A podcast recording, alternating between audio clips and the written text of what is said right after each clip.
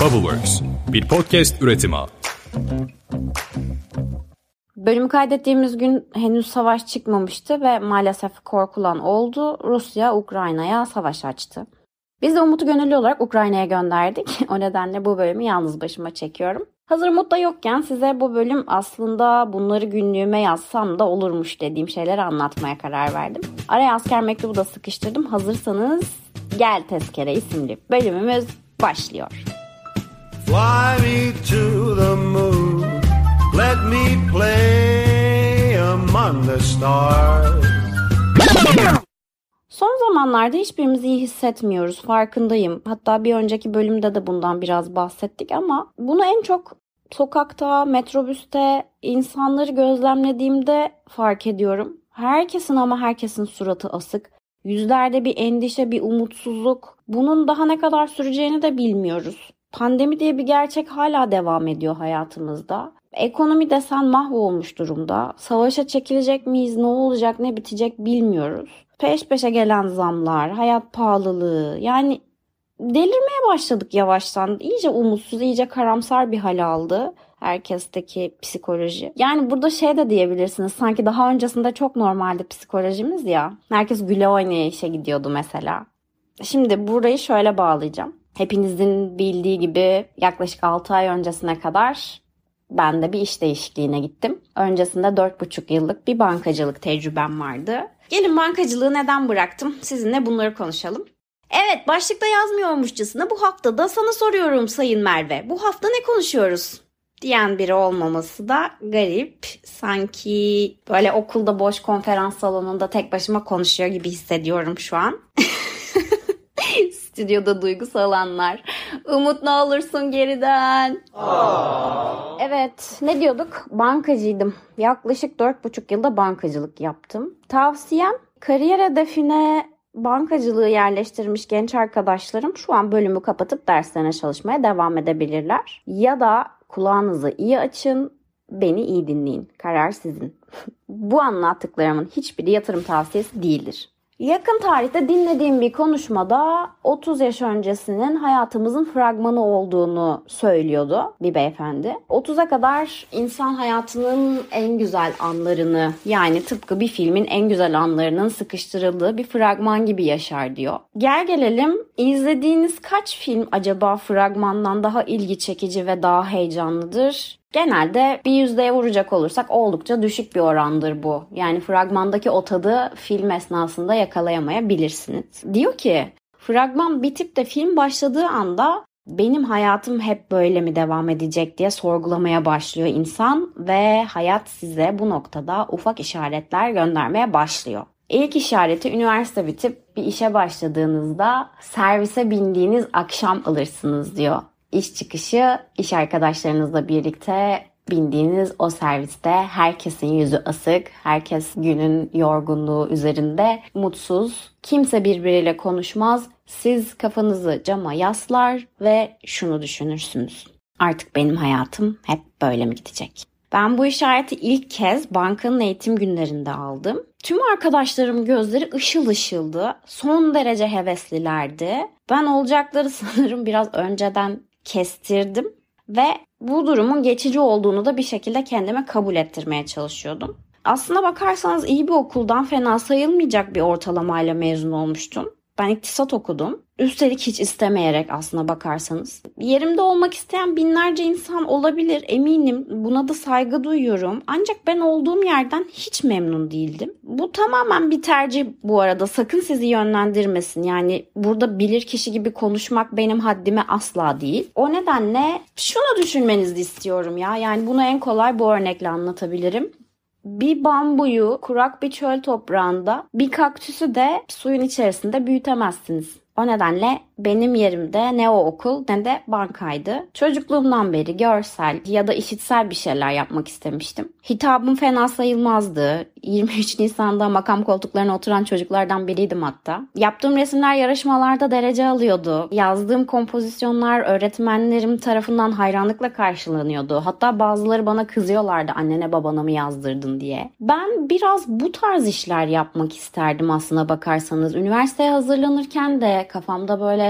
grafik tasarım, işte iç mimarlık ya da moda tasarım gibi şeyler vardı. Hatta bankaya başlarken de aslında birazcık daha kendimden katabileceğim bir şeyler yapmak istedim. Kurumsal iletişime geçmek istedim ya da dijital pazarlamada olmak istedim. Çünkü hevesim, ilgim hep o alandaydı ama gel gelelim 20 binin üzerinde çalışanı olan bir kurumda sizin departmanlar arası rotasyonunuz o kadar da kolay olmuyor. Tabii ben bunu zaman içerisinde anladım. Bankadan ayrılmayı net bir şekilde kafama koyduğum zamana geri dönelim bir kariyer koçuyla çalışmaya başladım. Size tavsiyemdir. Mutlaka ama mutlaka böyle bir imkanınız varsa bu desteği alın. Bana koçumun ilk sorduğu soru çocukluğunda en çok ne oynarken mutlu oluyordun? Ya da şimdi kendini en çok ne yaparken akışta hissediyorsun? Ne yaparken çok mutlu oluyorsun? Confucius'un sözü vardır herkesin bildiği sevdiğiniz işi yaparsanız ömür boyu çalışmak zorunda kalmazsınız diyor.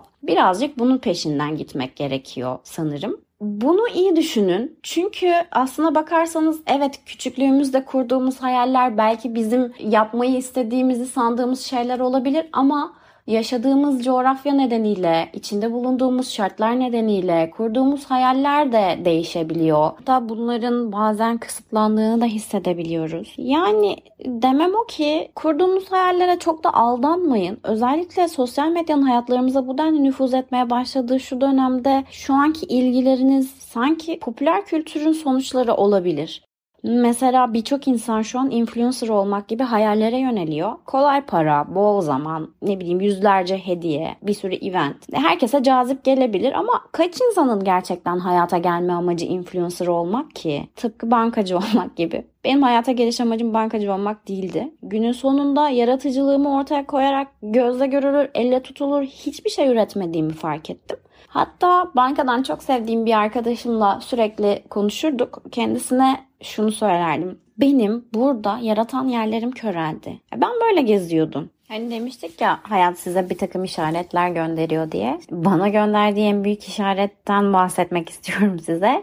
Son bir buçuk yıl çalıştığım departmanda mesai arkadaşlarımın hepsi üst düzey yöneticiydi. Hepsi en az 20 yıldır bankada çalışıyorlardı. Ve ben onlara baktıkça 20 yıl sonraki hayatımı düşünmeye başladım. Kendimi onların yerine koyduğumda asla mutlu bir hayat göremiyordum. Dedim ki ben artık bu bankada olmak istemiyorum. Bu bankada değil ben artık bankacı olmak istemiyorum dedim. Ve kendime bir hedef koydum.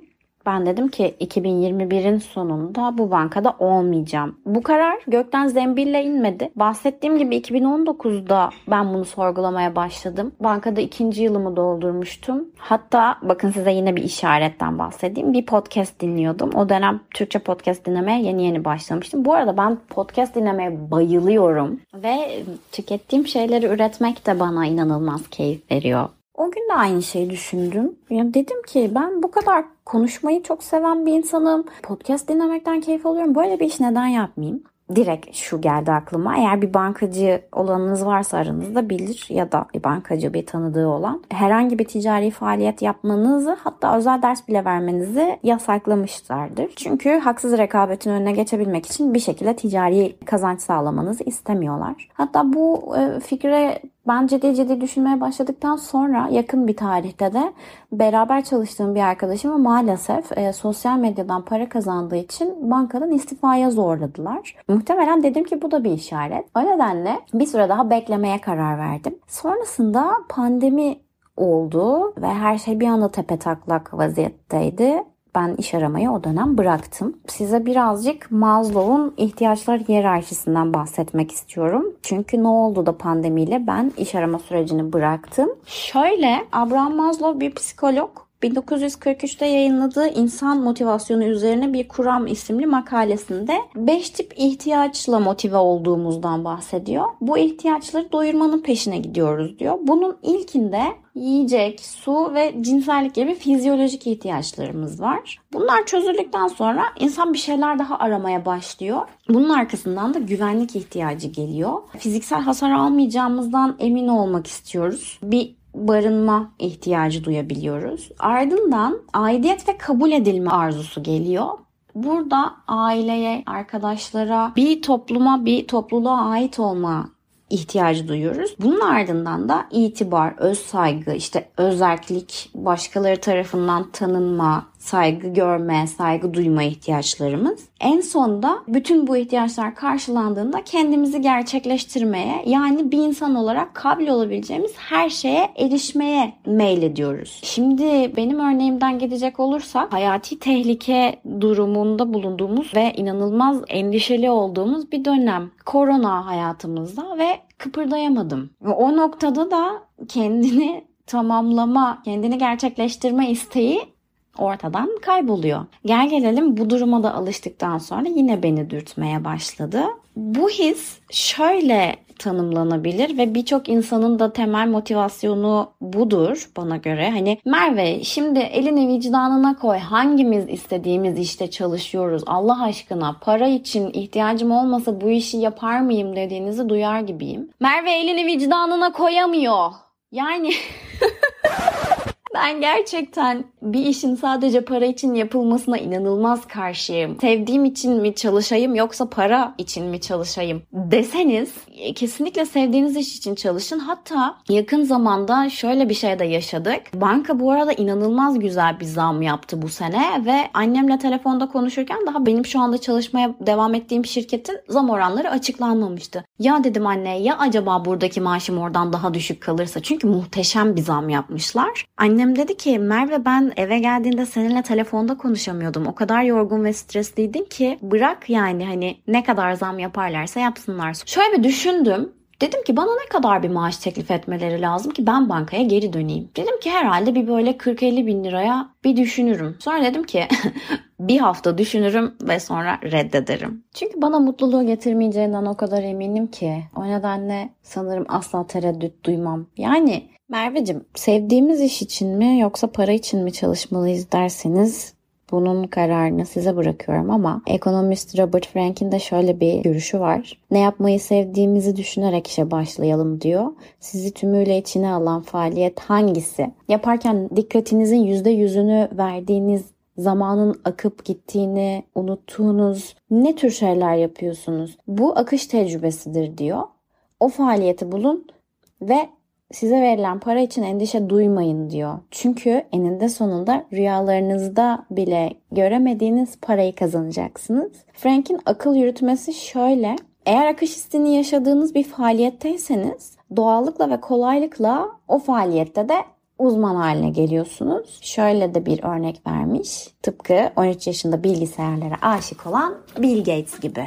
Gates okuldaki tek bilgisayarı kullanmak durumundaydı ve o dönem bu bilgisayarı kullanmak için parası tükendiğinde sistemi hackledi. Frank'e göre de bu başarıya götüren doğal bir adanmışlığın sıra dışı bir örneği değil. Küreselleşme ve teknoloji çağının saldırıları altında uzman olmak için makul tek yoldur. Gates gibi sevdiğiniz bir faaliyet bulursanız doğal olarak tüm saatlerinizi çalışarak geçirmeye başlarsınız ve kısa zaman içerisinde de bir uzmana dönüşürsünüz. Umuyorum siz de sizi mutlu eden o faaliyeti bulur ve o yolda hayatınızı şekillendirmeye başlarsınız. Bu podcast'i kapatırken Frank'in yine çok güzel bir sözü kulağımda çınladı. Diyor ki yeterince geniş bir alıcı grubunun küçük bir parçası bile verdiğiniz hizmetle ilgileniyorsa bir servet değerinde olabilirsiniz. Bizim Küçük Tatlı Podcast kanalımızı dinlediğiniz, bize kulak verdiğiniz için teşekkür ederim. Lütfen Podcast Pandora'nın kutusu Instagram hesabından bize yorum yazmayı ve takip etmeyi unutmayın. Sizleri seviyoruz. Hoşçakalın. Umut ne olursun geriden. In other words, we